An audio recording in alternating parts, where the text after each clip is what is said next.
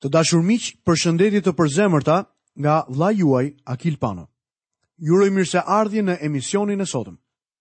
Në emisionin e kaluar studiuam 21 vargjet e para të kapitullit të 10 në Ungjillin e Gjonit. Sot do të vazhdojmë një herë studimin tonë në të njëjtin Ungjill dhe të njëjtin kapitull, duke filluar leximin në vargun e 22 të kapitullit të 10 në Ungjillin e Gjonit. U kremtua festa e kushtimit në Jeruzalem dhe ishte dimër. Festa e Tabernakujve ishte në pjesën e fundit të muajit tetor, ndërsa festa e Kushtimit në pjesën e fundit të dhjetorit. Midis të dyjave kishte një interval kohe prej dy muajsh.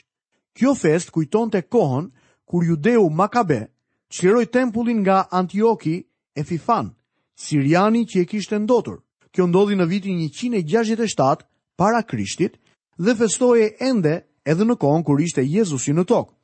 dhe ishte dimër. Jezusi kishte mbaruar punën e tij me kombin. Duke filluar që nga ky moment, Jezusi do t'u flasë të tijve. Ai nuk do të bëjë më thirrje të tjera publike. Tani është shumë vonë për të korrat. Qengji i Perëndisë do të mbyllet për t'u përgatitur që të shkojë në kryq dhe të vdesë për mëkatet e botës. Miqtë mi, Mund t'ju kujtoj se ju nuk mund të luani për shumë kohë me këtë gjë. Për ju po vjen dimri. Do të vijë një ditë kur nuk do të jesh në gjendje të dëshmosh. Nëse dëshiron të bësh diçka për Krishtin, do të ishte më mirë ta bëje tani. Nëse nuk e keni pranuar kurrë sinqerisht Jezu Krishtin si Shpëtimtarin dhe Zotin tuaj, mund t'ju kujtoj që edhe për këtë gjë mund të vijë dimri. Vjen një kohë të dashurit e mi, kur është shumë vonë për t'u shpëtuar. Ju mund të këmbgulni në refuzimin e Zotit Jezu Krisht për shumë kohë, saqë në fund nuk do të jeni të aftë ta pranoni. Profeti foli për këtë mundësi. Korrja ka mbaruar, vera ka marrë fund dhe ne nuk kemi shpëtuar. Jeremia 8, 20. Lexojmë vargun 23 dhe 24. Dhe Jezusi po ecte në tempull nën portikun e Salomonit. E rrethuan pra judenjtë dhe i thanë: Deri kur do të na mbash pezull? Nëse ti je Krishti, na e thuaj haptas. Në tempull ishte një portik i madh për paganët, për ata që ishin jashtë kombit të Izraelit. Zoti ynë nuk po shkonte më në tempull. Ishte dimër dhe Jezusi po ecte në portikun e Solomonit. Jezusi e shpall mjaft qartë identitetin e tij dhe ata që e pranuan e kuptuan se ai ishte Mesia, Krishti. Mbani mend se Andrea i tha vëllait të tij, "Ne kemi gjetur Mesian." Natanaeli e njohu. Ai i tha, "Rabi, ti je biri i Perëndisë, ti je mbreti i Izraelit." Ndërsa gruaja samaritane e kuptoi se kush Jezusi ishte. Edhe burrat samaritanë thanë, "S'është më vetëm për shkak të fjalëve të tua që besojmë, por sepse ne vetë e kemi dëgjuar dhe dimë se ai është me të vërtetë Krishti, shpëtimtari i botës. Po kështu, njeriu i shëruar nga verbëria besoi dhe e adhuroi atë. Tani shohim që krerët fetarë duan ta fajësojnë me pyetjet e tyre të mprehta. Ata duken sikur thonë që Jezusi është fajtor se nuk u ka dhënë informacion të mjaftueshëm ndërkohë që u mungon vullneti për të besuar në të. Jezusi ka zbuluar veten e tij si Mesia për ata që janë të gatshëm të dëgjojnë dhe tani ua deklaron këtë krerëve fetarë. Lexojmë vargun 25 dhe 26. Jezusi u përgjigj atyre: Unë jua kam thënë, por ju nuk besoni. Veprat që bëj në emër të Atit tim janë ato që dëshmojnë për mua. Por ju nuk besoni sepse nuk jeni nga delet e mia, siç jua kam thënë. Jezusi u thotë se ka dëshmi se është Mesia, Vepra e tij sjell dëshmi për këtë, sipas profecisë, Jezusi lindi në linjën e Davidit dhe u prezantua nga Gjon Pagëzori. Askush nuk mësonte si ai. Askush nuk mund ta bindte atë për mëkat. Kur Gjon Pagëzori dërgoi dishepujt e tij për të pyetur nëse Jezusi ishte Mesia apo duhet të kërkonte për dikë tjetër, Jezusi u tha që të shkonin tek Gjoni dhe t'i tregonin se çfarë ai po bënte. Atëherë Gjon Pagëzori do ta dinte që kishte dëshminë e Mesias. E shihni, mësimet e tij tregonin se Jezusi ishte Krishti. Jeta dhe mrekullitë e tij tregonin këtë. Problemi nuk qëndronte në mungesën e dëshmive të tij, por tek zemrat e tyre mosbesuese. Fakti që ata nuk besonin tregon se ata nuk ishin nga delet e tij. Kjo është ana negative. Tani Jezusi shpall edhe anën pozitive. Lexojmë vargjet 27 deri 30. Delet e mia e dëgjojnë zërin tim, unë i njoh dhe ato më ndjekin, dhe unë u jap atyre jetën e përjetshme dhe nuk do të humbasin kurrë, dhe askush nuk do t'i rrëmbejë nga dora ime. Ati im që m'i dha është më i madh se të gjithë, dhe askush nuk mund t'i rrëmbejë nga dora e atit tim. Unë dhe ati jemi një. Delet e tij e dëgjojnë zërin e tij dhe e ndjekin. Shenja e pronësisë së deleve është bindja. A doni ta dini nëse një person është i shpëtuar apo jo? Atëherë shikoni nëse i bindet apo nuk i bindet Krishtit. Veshët tanë duhet të jenë të hapur ndaj zërit të tij. Veshin që dëgjon dhe syrin që sheh i ka bërë që të dy Zoti. Proverbi 20, 12. Unë i njoh ato. Jam i gëzuar që dikush më njeh, po ti. Ndonjëherë keqkuptohem dhe duhet t'u shpjegoj veten time njerëzve. Gjithsesi nuk kam nevojë t'i shpjegoj ndonjë gjë Jezusit. Ai e di kur shfajësohem, apo i shmangem një problemi. Jezusi më kupton, ai më njeh.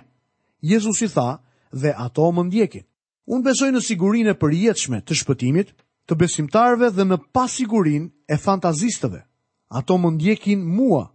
Kjo thënie është një shembull i thjeshtë. Nëse një bari i thërret delet e tij një mëngjes dhe ngjitet sipër në kodër dhe nga tufa prej 500 deleve e ndjekin vetëm 100, atëherë do të arrija në përfundimin se vetëm 100 dele janë të tijat, 400 të tjerat nuk i përkasin atij. dhe unë u jap atyre jetën e përjetshme dhe nuk do të humbasin kurrë. Miq, kur thotë se u jep atyre jetë të përjetshme, do të thotë se ato nuk duhet ta fitojnë apo të punojnë për shpëtimin, të punojnë për jetën e përjetshme. Jezusi ua jep me dëshirë. Vini re, është jetë e përjetshme, është përgjithmonë. Nëse zgjat vetëm një javë, një vit, apo derisa të mëkatojnë, atëherë nuk mund të jetë jetë e përjetshme. Ato nuk janë vërtet delet e tij nëse jeta nuk zgjat përgjithmonë. Delja mund të jetë në rrezik, por bariu do ta mbrojë gjithmonë. Ato mund të shpërndahen, por ai do t'i mbledhë sërish. Ato nuk do të humbasin kurrë. A mund të largohen ato? Po, do të humbasin? Jo. Delet mund të hyjnë në një stallë derrash, por asnjë dele që ka hyrë në stallën e derrave nuk ka për të qëndruar aty. Delet dhe derrat nuk mund të jetojnë së bashku. Delja është gjithmonë dele. Askush nuk mund ta grabisë atë nga dora e shpëtimtarit. Asnjë armik, asnjë njeri, Asnjë qenie e krijuar nuk mund t'i grabisë ato nga dora e tij. Kjo është e mrekullueshme.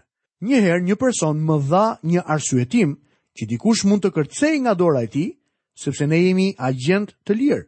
Kemi vullnetin e lirë, me vullnetin tonë ne mund të largohemi. Dëgjoni pasazhin. Askush nuk do t'i rrëmbejë nga dora ime. Ai është bariu. Ai është perëndi. Nëse mendon se mund të kërcesh jashtë nga dora e tij, Ati do të vendosë dorën e tij të djathtë poshtë teje dhe do të të presë. Vëlla, ai të ka gjetur dhe ti nuk mund të humbësh.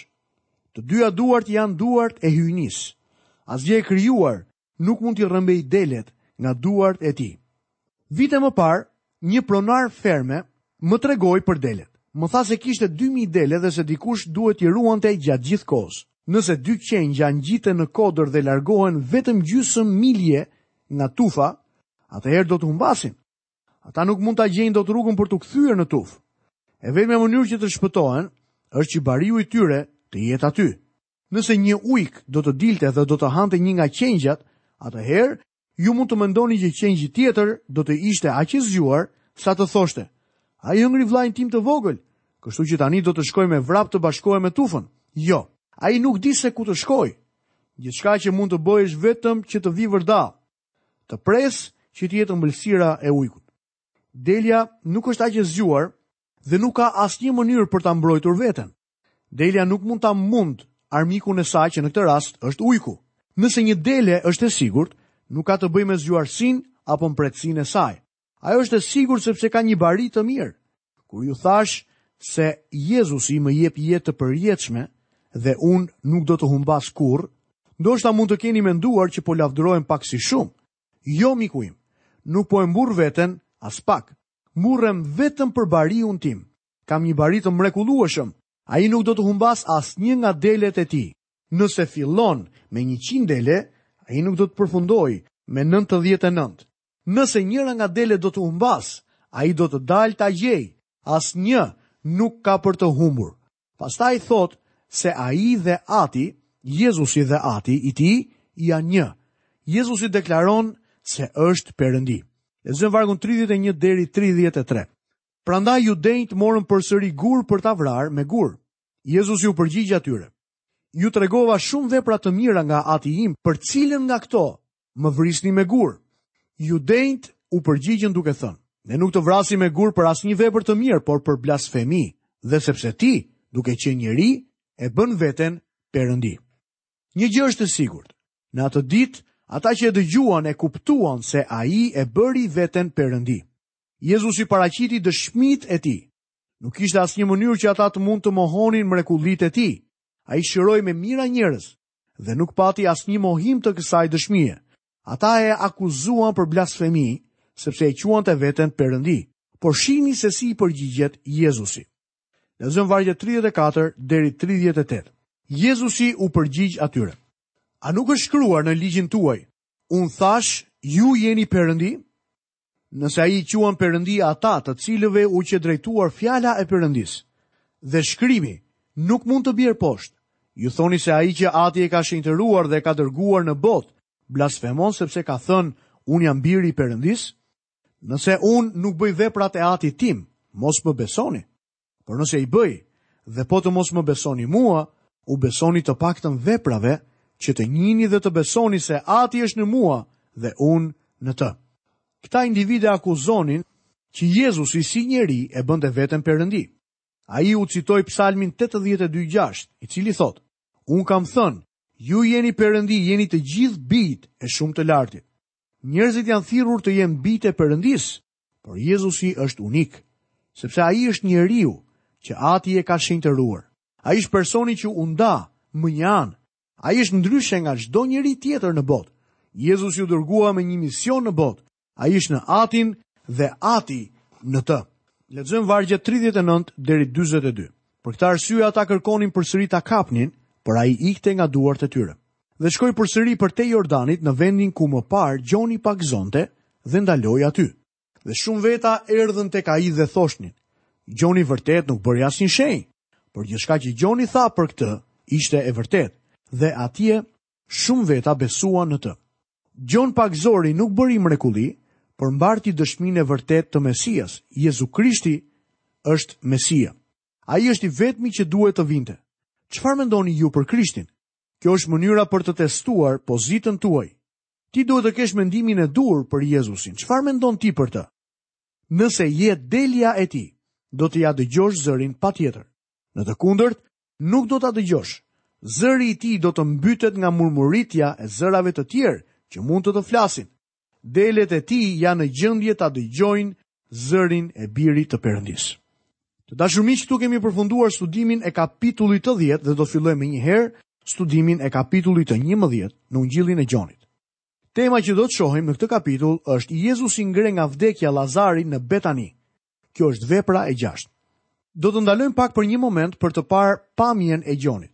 Në 10 kapitujt e parë, Krishti zbuloi vetveten në një sferë të zgjeruar. Kjo filloi në dasmën në Kanë, ku aty ishin të ftuar edhe dishepujt e tij. Na thuhet se dishepujt e tij besonin në të. Në festën e kasolleve dhe në festën e kushtimit, i gjithë kombi ishte përpara tij. Jezusi e përfaqësoi vetveten përpara kombit dhe u refuzua. Veprat e tij u refuzuan. Këtë e shohim tek Gjoni pesë, gjashtëmbëdhjetë. Fjalët e tij u refuzuan. Këtë gjë e shohim tek Gjoni tetë, pesëdhjetë e tetë dhe pesëdhjetë e nëntë. Dhe personi i tij u refuzua. Këtë e shohim tek Gjoni dhjetë, vargjet tridhjetë dhe tridhjetë e një. Ky kapitull është një lloj ndërprerje. Shërbesa publike e Jezusit tashmë ka mbaruar dhe ne e shohim teksa tërhiqet në shërbesën e tij private.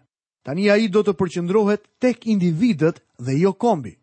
Ngjarja e këtij kapitulli ndodhi midis festës së Kushtimit dhe Pashkës, që duhet të ketë qenë midis dhjetorit dhe prillit. Tani pyetja më e madhe është kjo, A mund të ngrejë Jezusi të vdekurit? Çështja më e madhe në çdo fe ka të bëjë me vdekjen. Vdekja është mister shumë i madh.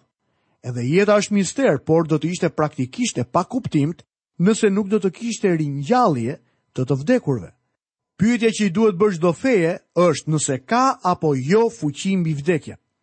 Shumë kohë më parë teologët liberalë i hodhën tej mrekullitë, debatuan duke thënë se Biblës nuk i përkiste asnjë mrekulli, jo për ndonjë arsye shkencore, por thjesht sepse nuk besonin në mrekulli. Në ditët e sotme ekziston një doktrinë artificiale që shprehet në një thënie të tillë. Unë besoj në një fe që ekziston këtu dhe tani, jo në atë të më vonshmen. Është mirë të besosh tek Perëndia, por se çfarë do të ndodhë, asnjëri prej nesh nuk e di. Nuk besoj në kështjellat prej ajri. Shpesh njerëzit thonë që dua një fe me patate dhe mish, a ka para?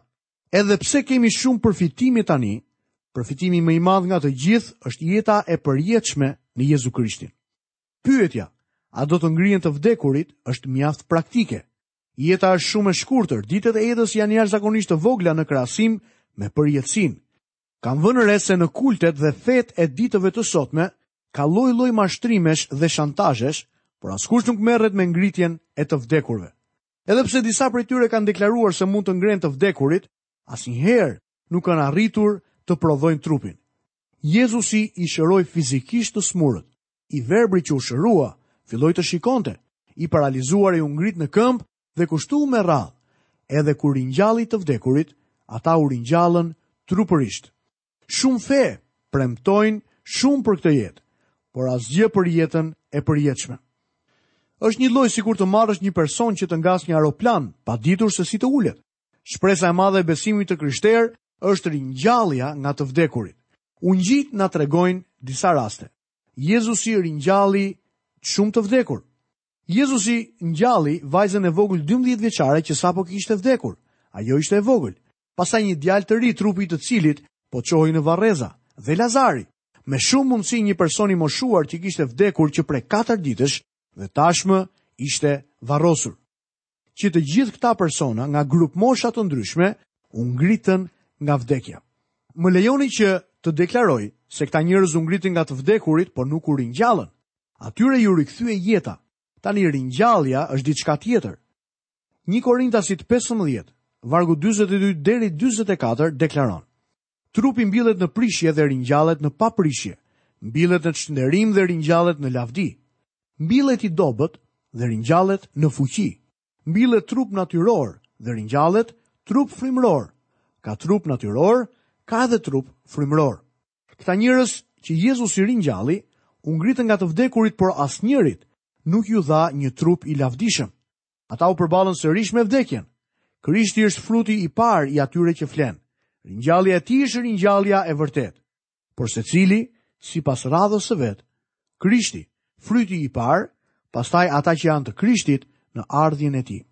Ndërkohë që Zoti ynë përdori metoda të ndryshme për të kryer mrekullitë e tij të shërimit, Metoda e tij për ngritjen e të vdekurve ishte gjithmonë e njëjta. Ai u thirri dhe u foli atyre që konsideroheshin të vdekur, njëlloj sikur të dëgjonin. A e dini pse? Sepse ata e dëgjonin zërin e tij. Mendoj se kur Jezusi të kthehet sërish, gjithsecili prej nesh do ta dëgjojë emrin dhe zërin e tij, sepse ai do të na ringjallë. Të dashur miq, Hollësitë e tjera, detajet, do t'i ndiqni në programin e herës së ardhshme. Deri atëherë, nga vëllai juaj në Krishtin Akil Pano, paçi të gjitha bekimet e Perëndisë dhe paqen e Tij në jetën tuaj. Bashkë mirudëgjofshim.